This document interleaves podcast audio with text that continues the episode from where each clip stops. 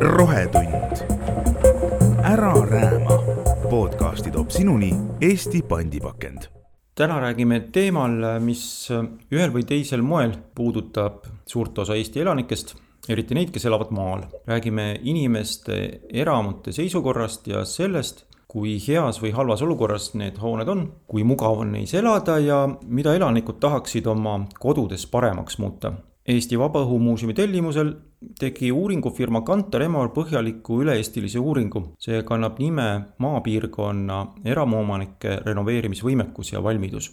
see on nii huvitav lugemine, et kaotasin selle uuringu, uuringuga tutvudes üsna ajataju ära aga täna proovime Vabaõhumuuseumi maa-arhitektuuri osakonna projektide peaspetsialisti Elo Lutsepa ja Maa-arhitektuuri keskuse teaduri Alois Andreas Põdraga jääda mõistlikku ajaraami ja vaatame, kus me välja jõuame. tere, Elo ja tere, Alois! tere! tervist! miks Maa-arhitektuuri keskus ja Vabaõhumuuseum tunnevad huvi maainimeste elupaikade ja elutingimuste vastu? no Eesti Vabaõhumuuseum on oma loomisest peale juba äh, tegelikult ju tegelenud selle temaatikaga ka siis, kui maju otsiti alles muuseumisse.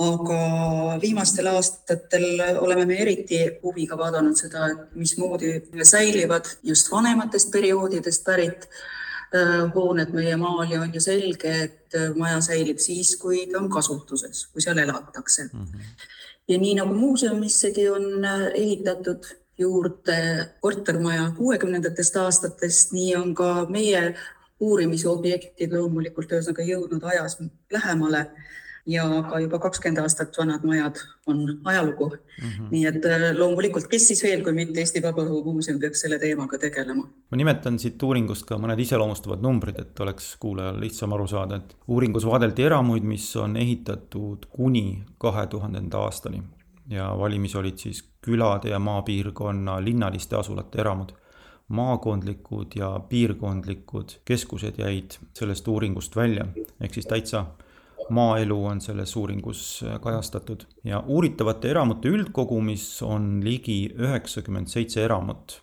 nii palju siis on eeldatavasti kogu Eestis selles vanuses eramaju just maapaigus. kokku vastas uuringule ligi tuhat maapiirkonna eramu omanikku ja valdajat. Elo, tahtsid midagi lisada vahepeal? Ei, me siin omavahel täpsustasime numbrid, et tõepoolest need numbrid on, on õiged. lihtsalt võib-olla kuulajal on huvitav teada, et kuidas, kuidas selliseid uuringuid korraldatakse.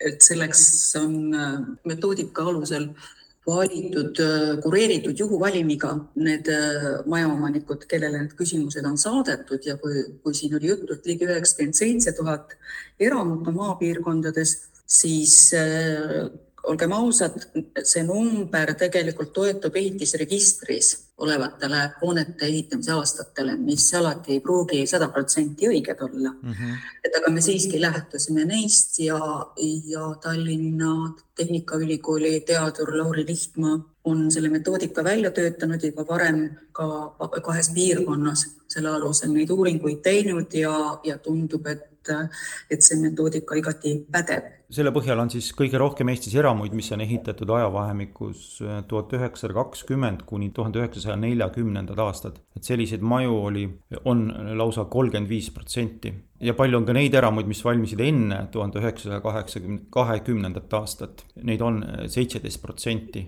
ikka väga vanad on meie majad, mis ei ole üldse ju selles mõttes paha. Ja see ei ole paha, aga veel ma tuleksin selle metoodika juurde natukene tagasi, et, et me saaksime seda üht, ühtlasemat pilti siis tegelikult juba seda valimit moodustades. Lähtusime me sellest, et me jagasime hooned kolme ajaperioodi, kuni tuhat üheksasada viiskümmend ehitatud majad, siis tuhat üheksasada viiskümmend kuni tuhat üheksasada kaheksakümmend ehitatud majad, sügav nõukogude periood ja siis tuhat üheksasada kaheksakümnendad, üheksakümnendad, mis oli juba niisugune plahvatuslik iseehitamine ja, ja mis, mis kõik juhtus. et äh, ka siin sai võetudki kohe neid küsitlusi laiali saates aluseks see, et tegelikult need perioodid oleksid nagu enam-vähem võrdselt vaadeldud ja kolmkümmend viis protsenti noh, ongi sisuliselt üks kolmandik, sest alati on sellistel küsimustel tuleb ju arvestada, küsitlustel tuleb arvestada seda veaprotsenti. et tegelikult on see hea teadmine, et, et need vanad majad püsivad või on püsinud nii pikalt, et järelikult ehitati neid siis kaugel ajal väga hästi. kardan küll, et praegu ehitatavad majad, mis peamiselt tehakse kiirelt ja odavalt plaatvundamendi peale, et need vist küll nii pikalt vastu ei pea, kui omal ajal eh, kahekümnendatel ja enne seda või natuke pärast seda ehitatud puitelamud? no eks siin noh, eks mõnevõrra puitmaterjali kvaliteet tänapäeval on jah natuke teine, kui ta oli nii-öelda tsaari ajal ja esimese vabariigi ajal. puit jah, puitu kasvatatakse mõnevõrra kiiremini, neid aastaringe jääb tõepoolest puitmaterjali vähem ja on märgatav tõesti, et see tänapäeva materjal mõneti hakkab pehkima ja lagunema kiiremini kui, kui vanemaid materjale, seda küll. aga kui seda uuringut täpsemalt lahti arutada, siis äh, mida näitavad eramute vanuseandmed maakonniti, et kus on enim maju, mis on ehitatud just enne viiekümnendaid aastaid? siin on nii, et, äh, et no ei saa nüüd ühesõnaga käsi südamele öelda, et need, et see loogika täiesti pädeb, aga, aga siiski võib ju arvata, et see, et et kui siin muidu on üle Eesti on need protsendid, et vanem, vanemast perioodist seitseteist protsenti ja siis tuhat üheksasada kakskümmend kuni nelikümmend, kolmkümmend viis protsenti neist vaadeldavatest vanematest hoonetest. Ja, ja siis, kui me vaatame Harjumaa numbreid, kus on kolmteist protsenti ja kolmkümmend protsenti, siis äh, on see üsna loogiline, sellepärast et ikkagi äh, Harjumaal on see ehitustegevus ka, ka eramute ehitamine. Siiski pärast seda tugevasti hoogustunud pealinna lähedus ja kõik, et noh, et me ei jõua veel, ühesõnaga me ei räägi siin magalate rajoonidena või, või valglinnastumisest, ei räägi siin, see on hilisem teema, aga, aga ikkagi on selge, et juba Nõukogude perioodi algusest hakati siiski eramajus siia Harjumaale rohkem ehitama kui, kui Valgamaale või, või Võrumaale, sest noh, siit tulebki välja, et Valgamaal on need protsendid näiteks kakskümmend protsenti on siis enne kahekümnendat aastat ja nelikümmend kolm protsenti kahekümnendatel, neljakümnendatel. see on selge, et äh, see Valgamaa, samuti ka Võrumaa, kus on need numbrid suured, oli juba ajalooliselt väga tihedalt asustatud põllumajanduspiirkond mm. -hmm. seal oligi, ühesõnaga need hooned olid, olid rajatud juba, vajadust nende hoonete rajamise järgi ei olnud nii väga ja kus, kus tekkisid kolhoosid, sovhoosid, sinna juba ehitati kortermaju mm -hmm. ilmselt enam kui eramaju. et sellest võib-olla Valgamaal ja Võrumaal võib oletada, et see protsent on suurem ja, ja Ida-Virumaal, kus on siis need protsendid vastavalt tsaariajast üheksa protsenti ja nelikümmend protsenti, siis esimese Eesti Vabariigi ajast, siis ei maksa unustada, et esimese Eesti Vabariigi ajal rajati ida, noh, praeguse Ida-Virumaa territooriumile hulganiselt või hulganisti eh, neid asundusi, nii tööstuslikke kui põllumajanduslikke asundusi. Ja, ja need hooned siiski on siin alles ja samas see vanem hoonestu või vanemad talud on jäänud tööstuspiirkondade või kaevanduspiirkondade arenemise tõttu nagu hävimisse see on arusaadav, et palk ja puitsõrestik eramud on äh, nii vanade majade puhul äh, peamised ehitusmaterjalid, aga mis see näitab, see uuringu tulemus, äh, kuidas need konstruktsioonid püsinud on, et kuidas soojapidavus on, mida inimesed ise hindavad? No kui vaadata maju periooditi, siis äh, erilisi selliseid suuri kääre nii-öelda ehitusperioodi ega isegi konstruktsiooni osas noh, temperatuuri hinnangute juures ei ole. talvel on valdavalt inimestel äh, puitmajades sama külm, kui on kivimajades. huvitaval kombel vanematel majadel on äh, isegi keskmisest natuke sutsu madalam nii-öelda see hinnang, et tal on talvel külm. see jääb küll sinna veamäära, et noh, et kui keskmine nelikümmend üks protsenti kes tunnevad, et talvel on külm, siis noh, tsaariaegsed ja vabariiaegsed majad on siuksed nelikümmend protsenti, et täitsa -hmm. nagu keskmised. ja siuksed laiemad käärid hakkavad tekkima alles nõukaajal, eks ole, et eh, kus protsendid hakkavad minema kõrgemaks või madalamaks eri perioodidel. Eh, talendide seisukorra osas on huvitav, et puitmajad, tähendab tsaariaegsete eh, puitmajade omanikud või me andsime neile nii-öelda spektri, et hinnake tarindeid, et kas siis põrand, välissein, aknad, katused, pesuruumid, eks ole mm. -hmm. et hinnake, kas on hea, väga hea seisukord, kas on korras, kas on rahuldav või on üldse halb seisukord või see hooneosa üldse puudub, eks ole. et tsaariaegsed palkmajade omanikud kasutavad äh, nii-öelda korras seisukorra hinnangut äh, mõnevõrra keskmisest vähem. et need, kes ütlevad, et see hooneosa on väga heas seisukorras, see täitsa klapib keskmisega aga kasutatakse palju rohkem kas rahuldavat seisukorda või halba seisukorda. Nemad ei julge seda korras seisukorda hinnangut väga nagu eriti anda keskmisest äh, enam neid puitvanemaid äh, maju, et nendel on ikkagi noh, kanalisatsiooniga keskmisest mõnevõrra rohkem probleeme, siis äh, ka noh, katuseid saab välja tuua. Nende puhul rahuldava seisukord jah, on mõneti nagu levinud, et nemad ei julge jah, siis korras seisukorda eriti välja tuua. aga muidu nii-öelda need tendentsid, et millised tarindid on väga heas seisukorras ja mis on nii-öelda enam-vähem korras, et need graafikud enam-vähem on ikkagi kõikidel perioodidel kõikidel konstruktsioonitüüpidel enam-vähem sarnased. pesuruumid, kanalisatsioon ja katus, eks ole, et need on ikkagi sellised levinud probleemid ikkagi kõikidel konstruktsioonitüüpidel ja kõikidel perioodidel. vanade majade säilimise puhul on ventilatsioon just väga oluline, et kas see tuleb uuringust välja ka, mis need numbrid ütlevad, et mida inimesed ise hindavad, on siis sellega halvasti või mhm. kuna enamikul on loomulik ventilatsioon, mis on vana, vanade majade puhul täiesti arusaadav? no vot jah, et uuringust tuligi välja, et äh, keskmiselt üheksakümmend viis protsenti omanikud tõid välja, neil on loomulik ventilatsioon ja mehaaniline sissepuhe ja väljatõmme äh, nii soojustagastusega kui ka soojustagastuseta jäigi ainult viie protsendi hulka, et see on üsna selge, et äh,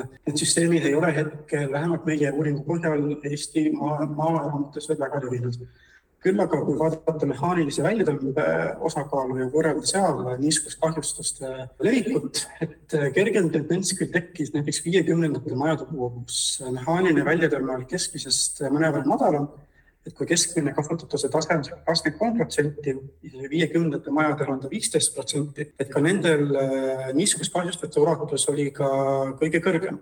see oli siis kolm protsenti keskmisest kõrgem et ta küll mõneti veamäära piiri, kuid äh, selline kerge seos oli tõepoolest märgatav. et selle, sinna kõrvale võrreldes tuhat üheksasaja kuuekümnendate maju, kus siis mehaaniline väljatõmme oli kõige levinum, kakskümmend üheksa protsenti siis, et ka nende niiskuskahjustuste hinnang omanike poolt oli antud kõige madalam ehk siis äh, keskmiselt neli protsenti madalam. tõepoolest see, et kui sul on kööki paigutatud kubu või vannituppa või kööki, eks on paigutatud väljatõmme et see, et kerge tendents on tõesti märgatav, et see on niisugust kahjustatud ulatust äh, toonud äh, madalamaks. aga muus osas äh, niisk-, omanik, see niisugust kahjustuste märka, märkamise tase on enam-vähem keskmise juures kõikidel teistel ehitusperioodidel.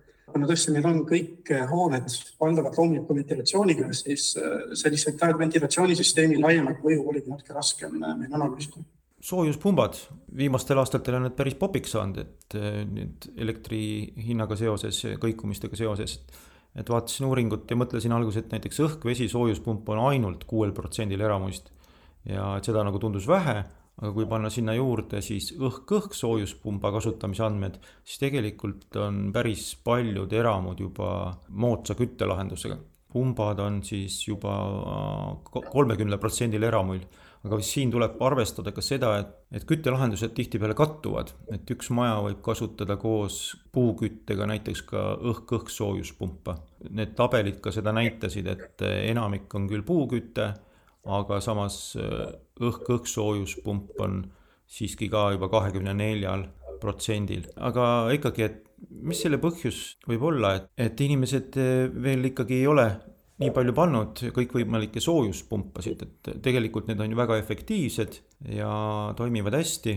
kas on meil nagu vähe teadmisi selle kohta või ongi inimesed väga harjunud oma puuküttega ja see sobib neile ja nad tahavadki, et see nii jääks soojuspumpadega on ka juba varasemate uuringutega tulnud meil välja täitsa mitu sellist aspekti, et on tulnud täitsa ette, et see soojuspump küll ostetakse, aga kui me räägime sellisest suuremast rehielamust või talu häärbarist, siis tegelikult see üks soojuspump seal väga nagu neid ruume ära ei küta, eks ole mm. -hmm. ja on täitsa tulnud ette, et seetõttu omanik on ka öelnud, et ma seda lihtsalt ei kasuta see on soetatud, aga ta lihtsalt seisab. nüüd äh, ka elektrikulud, nüüd siin möödunud aastate juures on kindlasti olnud ka aspekt, miks, äh, mis neid, mis on nendest soojuspumpadest võib-olla inimesi natuke teises suunas mõtlema pannud ja ka, ja ka riigi elektrivõrk on ka mõneti selline, et, et kui mõnes piirkonnas omanik ütleb, et et äh, temal hakkavad tuled vilkuma sellest, kui naabrile keedab kohvi, siis ongi mhm. natuke keeruline hakata mõtlema selle soojuspumba peale, kui sa tead, et su elektrivõrk võib niivõrd kõikuma olla mõnes Eesti piirkonnas, noh eriti just maal.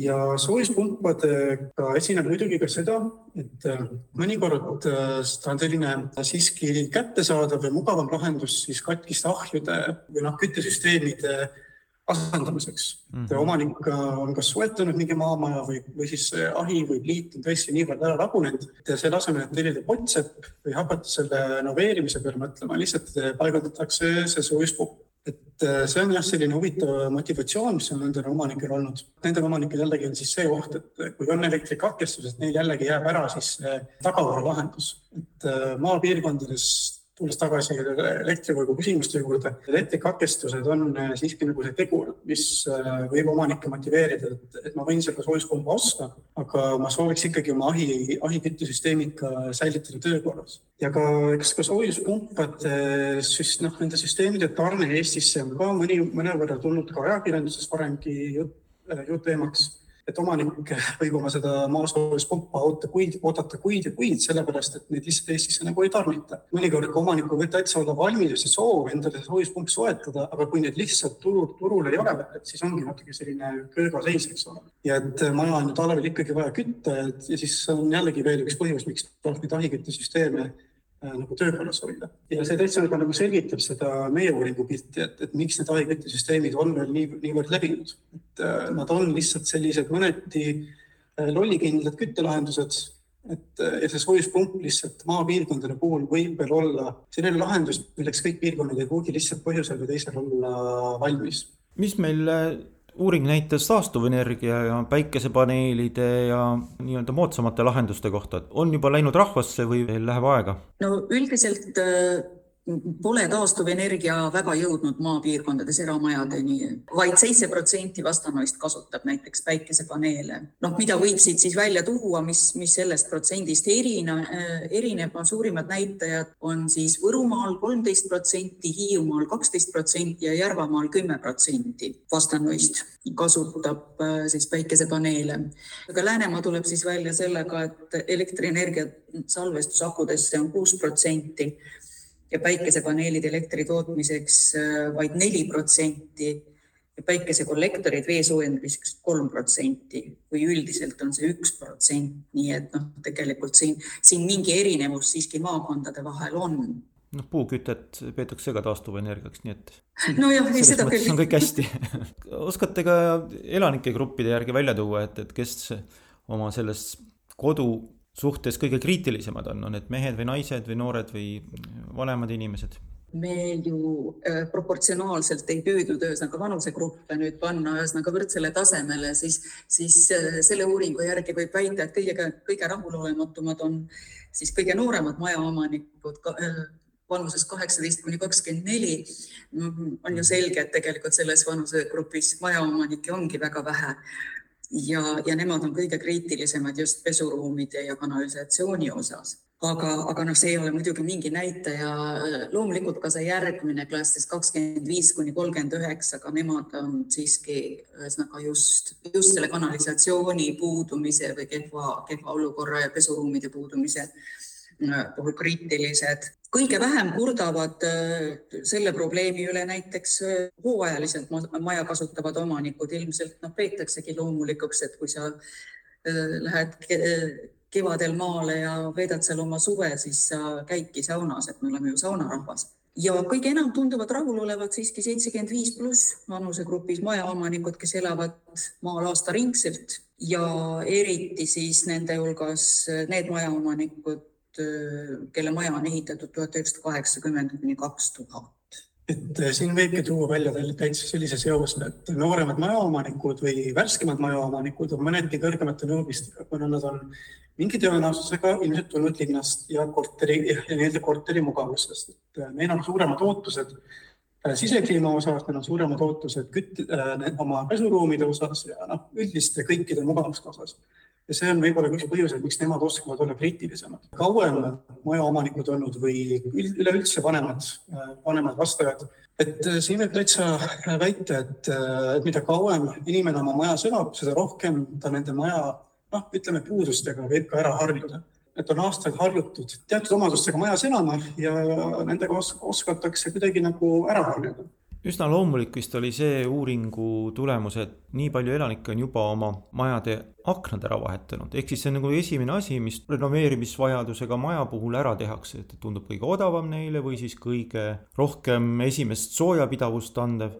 aga eks sellega ole ju ka omad eh, ohud, rääkisin eile samal teemal ka TalTechi ligi nullenergia uurimisrühma juhi Jarek Kurnitskiga ja, ja tuli ka see jutuks, et aknaid tuleks ikkagi vahetada koos muude töödega, et see ei paneks maja niimoodi kile sisse, jätaks ilma, ilma õhuta, mis vanade majade säilimise puhul on äh, oluline. kas see tuleb kuidagi uuringust välja ka, et, et mis on põhjus, äh, miks inimesed teevad just neid töid, ehk siis vahetavad kõigepealt aknad, siis järgmisena elektrijuhtmed, aga näiteks katust ja soojustamist, nendega tehakse töid hiljem?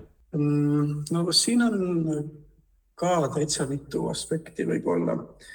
et äh, miks aknaid võib-olla eelistatakse vahetada või noh, seda me saame ainult nii-öelda spekuleerida, et kuna meie uuringu küsimustik oli, küsimustik oli üsna pikk, et äh, me ei saanud päris uurida detailselt iga aspekti, mida me oleks võib-olla soovinud, aga et jah, võib spekuleerida, et akende puhul on tegu tööga, millel on nii-öelda omanikule ette kujutatav algusjärg, et äh, kui alustada oma seinte soojustamist või lae soojustamist, eriti arvestades maja suurust, noh, kuna rehemajad on meil ju mõneti suuremad kui sellised tavalised äh, eramud Eestis Nendel on ju veel eriti palju katusepinda ja seinapinda, et äh, see on selline töö, mis on ajamahukas, äh, võtab palju ressursse, nendega on mõneti keerulisem projekteerida kui lihtsalt see akende vahetus, et äh, see võib, et, et kuna ta ongi niivõrd noh, mõnevõrra lihtne, mõnevõrra lihtne töö võrreldes teiste renoveerimistöödega, siis see võib olla üks põhjuseid, miks inimesed tahavad seda vahetada. ja noh, elektrijuhtmed on lihtsalt see, et eks, eks pistikud ju kuluvad, eks ole,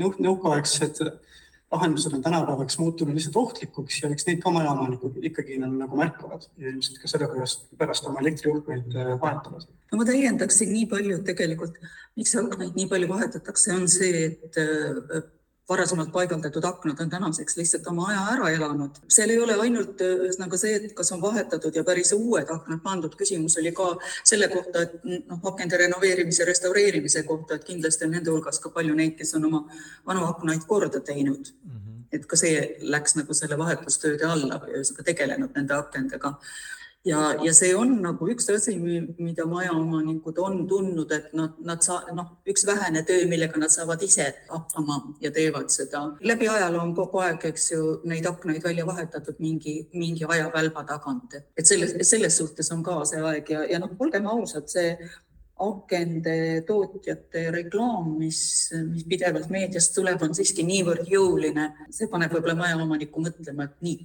panen uue akna tuulepuhu sisse mm -hmm. ja, ja töö on tehtud ja siis vaatame edasi mm. -hmm. aga siinkohal äh, mina veel lisaks, et äh, tuleb kindlasti nõustuda TalTechi seisukohaga. tegelikult seda akende, akende vahetamist tuleb ikkagi mõelda perspektiiviga ja koos seinte soojustamisega. kui sa lihtsalt vahetad aknad ära enne soojustamist ja siis ja sa jätad need aknad samasse tasapinda mm -hmm. ja alles seejärel hakkad sinna soojustama, paned sinna kakskümmend sentimeetrit vilja ümber, siis sageli on kohtadel aknad jäävad nii-öelda auku, et äh, see on väga levinud äh, nii-öelda noh, renoveerimise kiiks, ütleme nii, et.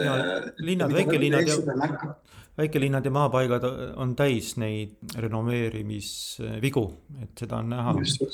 et eh, fassaad on toodud väljapoole tänu soojustusele ja, ja aken on jäetud sama koha peal, kus ta enne oli. just, et sellel on nii arhitektuurne aspekt, mis eh, muudab selle hoone esialgset välisilmet kui ka ehitusfüüsikaline aspekt, et kui sa jätad akna ikkagi sellest soojustuse kontuurist väljapoole, et sul tekib ikkagi selline märkimisväärne külmasild uuring vist näitab päris hästi ära ka, et, et eestlased on päris sellised tublid iseremontijad ja tihtipeale see tähendab ka seda, et, et tööd jäävad pooleli või siis tehakse kõike natukene, et etapiviisiliselt. nelikümmend seitse protsenti eramutes on siis etapiviisiline remontimine levinud. mis võib olla selle põhjuseks, et inimesed ei tee asju korraga?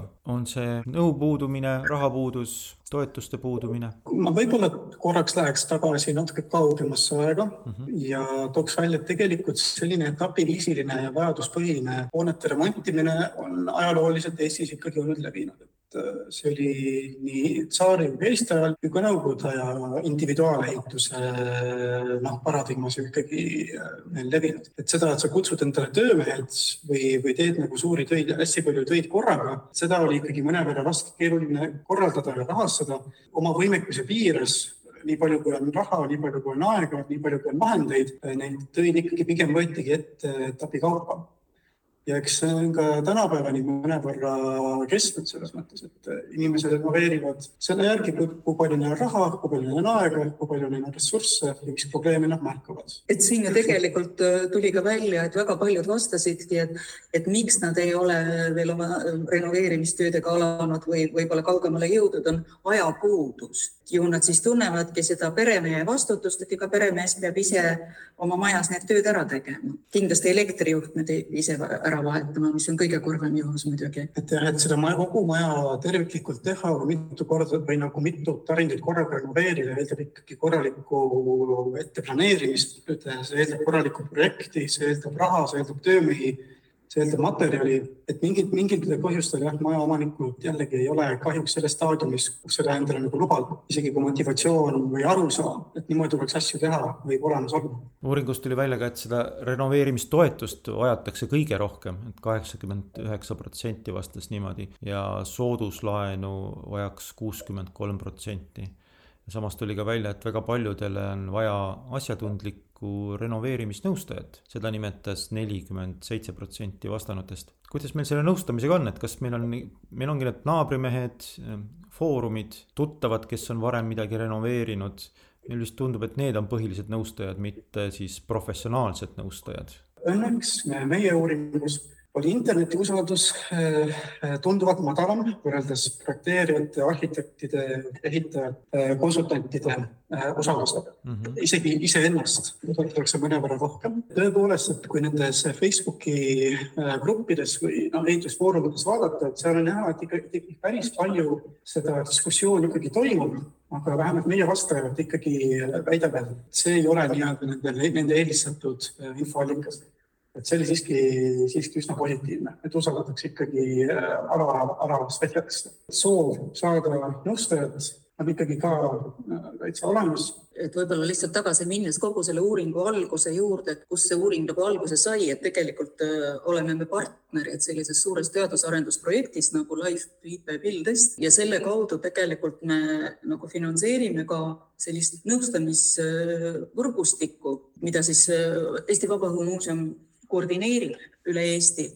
Et ka tegelikult meie kaudu on võimalik seda nõu saada ja selle projekti jooksul, mis kestab siis kahekümne kaheksanda aasta lõpuni, tegelikult on, on plaanis välja töötada erinevaid infokaarte ja juhendmaterjale ja ja tööle peaks hakkama ka renoveerimisportaal ja nii et et noh, tegelikult seda, mida oodatakse, mis on ka siit vastustest välja tuldud, et mida usaldatakse ja kust leitakse abi, et just need infokanalid, et nüüd, kui me teame, millest neil kõige rohkem nagu teadmistes puudust on, et, mhm. Et on nagu kõige lihtsam ka neid abivahendeid neile pakkuda. et me korraldame ka igasuguseid seminare nii, nii spetsialistidele kui majaomanikele, mis täpselt samuti ühesõnaga peaksid seda teadlikkust ju tõstma. eile just rääkisime Jarek Kurnitskiga samal teemal, et ühtne renoveerimisportaal või siis eh, midagi sellelaadset oleks, oleks väga-väga vaja.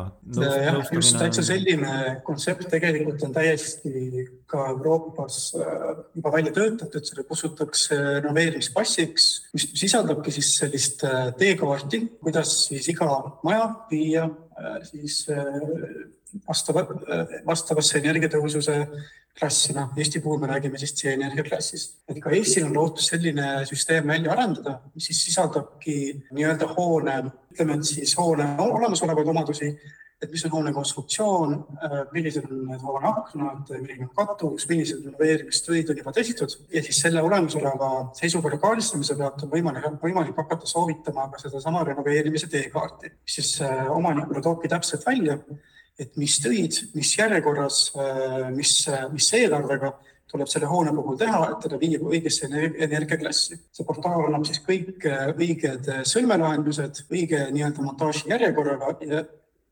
just selle eesmärgiga, et võtta võimalikult palju seda teadmatust ja nii-öelda arvamist omanikult ära, et antagi, antagi talle siis kohe otse kätte see, see parim eh, ehitustava, mille baasil siis tema saaks oma hoonet hakata renoveerima, et kas siis äh, terviklikult või ka nagu meie uuringus selgub, et tuleb ka etapiviisilisele ja iseehitamisele suunatud renoveerimislahendusi samuti ikkagi majaomanikele pakkuda kas nende andmetega saab veel midagi peale hakata, mis teil nüüd käes on, sest see on väga väärtuslik info teil? no meil on lootus äh, võrrelda neid, äh, noh, või koguda või äh, kuidagi saada ka andmeid linnapiirkondade kohta. küll nüüd Elo oskab paremini täpsustada ka Tartu piirkonnas on ja. sarnast uuringut ja Võrus on sarnast uuringut siis TalTechi poolt läbi viidud. Küll muidugi mõnevõrra väiksema valimiga, kuid ankeet mida kasutati seal, oli ausaks äh, ka meile. nii et, äh, et kui praegu maapiirkondadel on äh, meil see pilt olemas, et nüüd, kui saaks ka linnapiirkondadele sellise pildi ette, et oleks päris hea teada.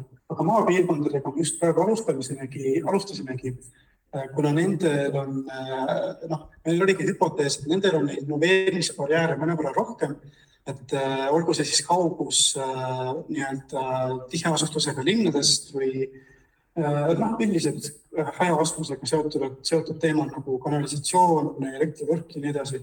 me tundsime, et nendel omanikel on mõnevõrra rohkem neid barjääre ja sellepärast hetkel me nendega nagu alustasime. aga jah, et kui saaks kõikidest äh, Eesti eranditest taolise pildi ette, et see aitaks meid kindlasti väga palju edasi äh, selles käesolevas renoveerimismaratonis. kuna Eesti on võtnud ikkagi eesmärgiks äh, aastaks kaks tuhat viiskümmend saada oma hoonefond C-energiaklassi, siis sinna selle eesmärgini jõudmiseks on ka koostatud vastav strateegia nüüd äh, hetkel fookuseks on, äh, kui me räägime eramutest, äh, on enne kahe tuhandetet ehitatud, kahe tuhandetet aastat ehitatud eramud kuna nende puhul on energiatõususes, energiatõusus tõenäoliselt kõige madalam, kui arvestada Eesti hoonefondi, eh, siis see näebki ette, et üld, üldvalim kogu selles, mis, mis sellesse sihtgruppi kuulub, ongi sada viiskümmend viis tuhat eramut. aga kui vaadata nii-öelda siis kogu ka hiljem, hilisemal perioodil ehitatud eramaid, et siis on number niisugune umbes kakssada tuhat. aga et eh, rekonstrueeritav jah, sihtgrupp on niisugune sada viiskümmend viis tuhat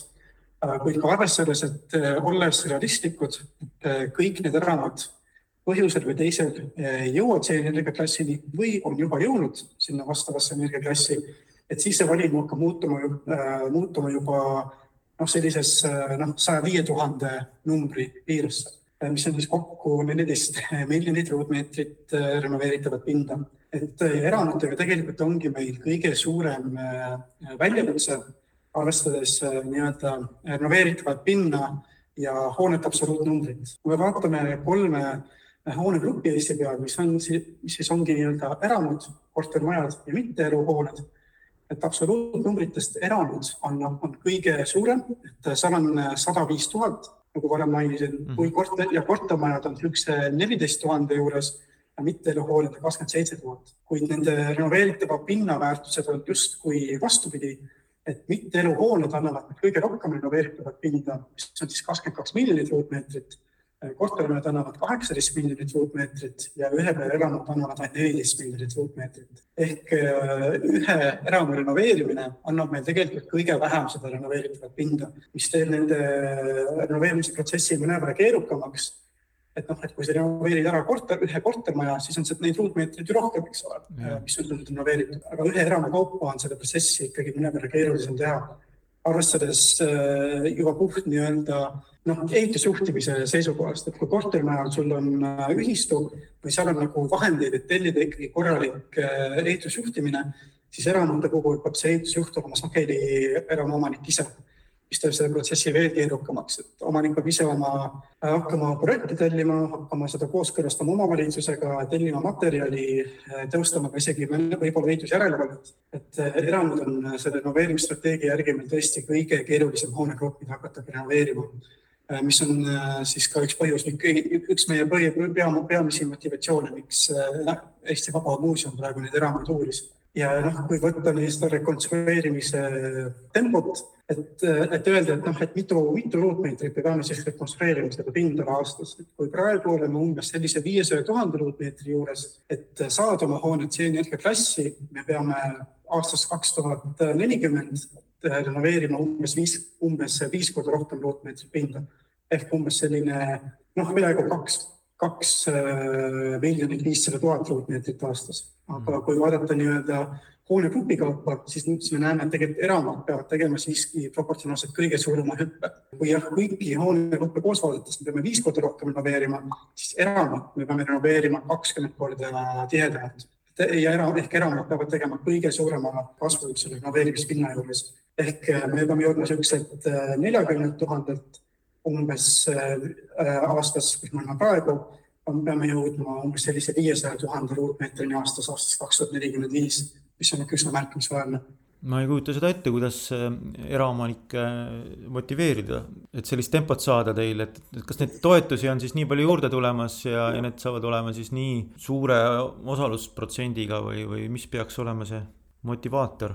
No eks siit me üritamegi neid meetmeid ja lahend- ja neid kõige sobivamaid lahendusi välja, välja töötada, eks ole, et me näemegi, et kõige rohkem ikkagi omanikud on huvitatud toetusest, et noh, see on siis juba noh, riigipoolne mm -hmm. aspekt, aga noh, meie näeme, et, et omanikud on huvitatud teabest, omanikud äh, tajuvad ise ehitades teostada ehitusvigu, kui sa hakkad ise renoveerima mingite nii-öelda tuttavalt saadud äh, nõuannete järgi et me näeme, et omanikud tajuvad seda riski, et nad, nad mõistavad, et neil on vaja äh, nõu kas siis innoveerimise infoportaalist või asjatundjat, asjatundjat, nõustajat. me saamegi hakata noh, võimalikult palju neile seda pakkuma, et arendada seda nõustamisvõrgustikku, et äh, meil on usaldusväärseid innoveerimislahendusi neile pakkuda mis on siis võimalikult detailsed või võimalikult nii-öelda laia ikkagi varieeruvusega, et omanik ikkagi saab oma olemasoleva maja alusseisu äh, välja vaadata ja siis, ja siis omakorda näha, milliseid renoveerimislahendusi sellele majale soovitatakse, äh, mis järjekorras neid teha, milliseid vigu vältida, kuhu, mis detailidele eriti palju tähelepanu pöörata. siin äh, see ongi see põhiline alguspunkt meil hetkel, et lahendused, hea nõu ja siis riigipoolsed toetused jah, mul siin paarisaja meetri kaugusel ristmikul pannakse praegu Eesti-aegsele majale plastlaudist. ei tea, kuidas see küll, kuidas see kuskilt läbi on läinud või, või miks seda tehakse, aga. no kui natukene kriitiline olla, siis eks siin on karuteene teinud ka need mitmed konkursid, ühesõnaga kõikvõimalikele kaunimatele kaunimatele maakodudele, kus südamerahuga on saanud peapreemiaid ka sellised majad, kus on plastikaknad ees või, või tegelikult just, just nimelt sellised väga küsitava väärtusega renoveerimislahendusi kasutatud, et paraku võiks sellistel konkurssidel siiski ka hindamisel arvestada neid aspekte. Jällegi, kui vaadata perspektiivi, siis tegelikult eks ka nendel plastakendel kui ka fassaadil on ju ikkagi oma eluiga. Ja kui see esialgne lahendus on mingil määral dokumenteeritud, esialgselt laudist on säilitatud, esialgsed aknad, vähemalt mõned, mõned raamid on säilitatud, siis noh, seni on seni, kuni see esialgne lahendus on talletatud, on alati võimalus järgmise renoveerimise ringiga esialgset lahendust taastada. võib-olla on siis muutunud äh, nende lahenduste kättesaadavus, võib-olla on tootjad tulnud, rohkem tootjaid turul, eks ole, võib-olla majanduslik seis omanikul parem. et äh, siin alati tasub ka seda pikemat perspektiivi ikkagi hoida silma ees, et, et see plastlahendus, mis nüüd oma, oma ajale ette pannakse, et see tegelikult ei, ei olegi mõeldud olema nii-öelda üldse ajaks aastaks, et neil on oma eluiga ja neid lahendusi saab alati ka hiljem tagasi pöörata. et äh, siin ongi sihuke kompromisside küsimus, et äh, mis on parem, kas säilitada seda esialgset lahendust, mis on lagunenud, aga öelda, et jah, et mul pole raha esialgset puitlahendust taastada. et mis sa siis teed, kas sa jätadki lagunema või sa võtad vastu selle otsuse, et okei okay,, praegu tulevad sellised lahendused, mille jaoks mul raha on ja siis mm, -hmm. aga jätame esialgse seisukorra kuidagi talletatud, et saame selle juurde tagasi tulla või siis jätamegi maja niimoodi, nagu on, et see ongi alati ka selline kompromisside küsimus majaomaniku jaoks. jah, peaasi, et see sisu seal ei, ei, ei mädane ja ei hallita et.... just, just, et kui maja ikkagi säilib, kui maja, maja eluiga on nüüd nagu pikendatud, siis noh, mõnevõrra ikkagi noh, jah, et pilt ei ole nii mustvalge, et sama on ka ju tegelikult eteniitkatustega, mis nõukaegsetele hoonetele peale pandi mm. -hmm. tänapäeval vaatame, et oi kui kole, eks ole, et et, et õlgkatused ja raastokatused ikkagi on ju see õige lahendus, et see on ju parem.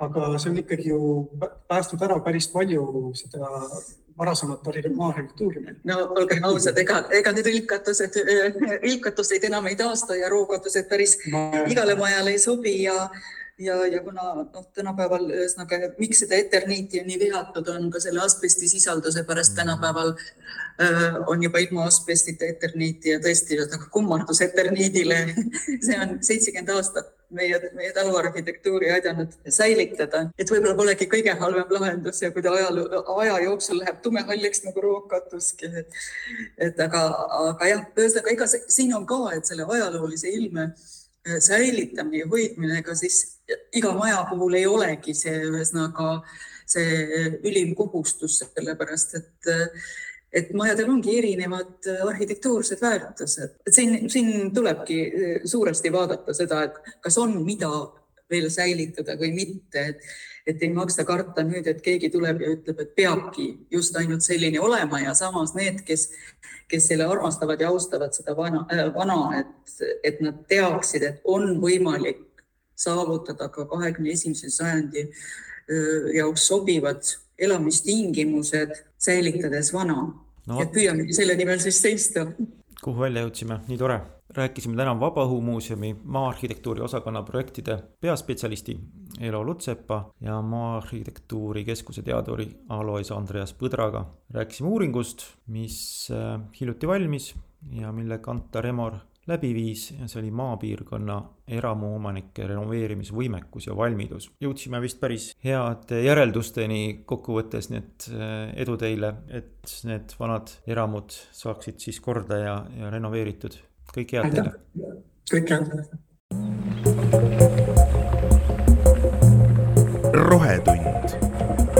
ära rääma. podcasti toob sinuni Eesti pandipakend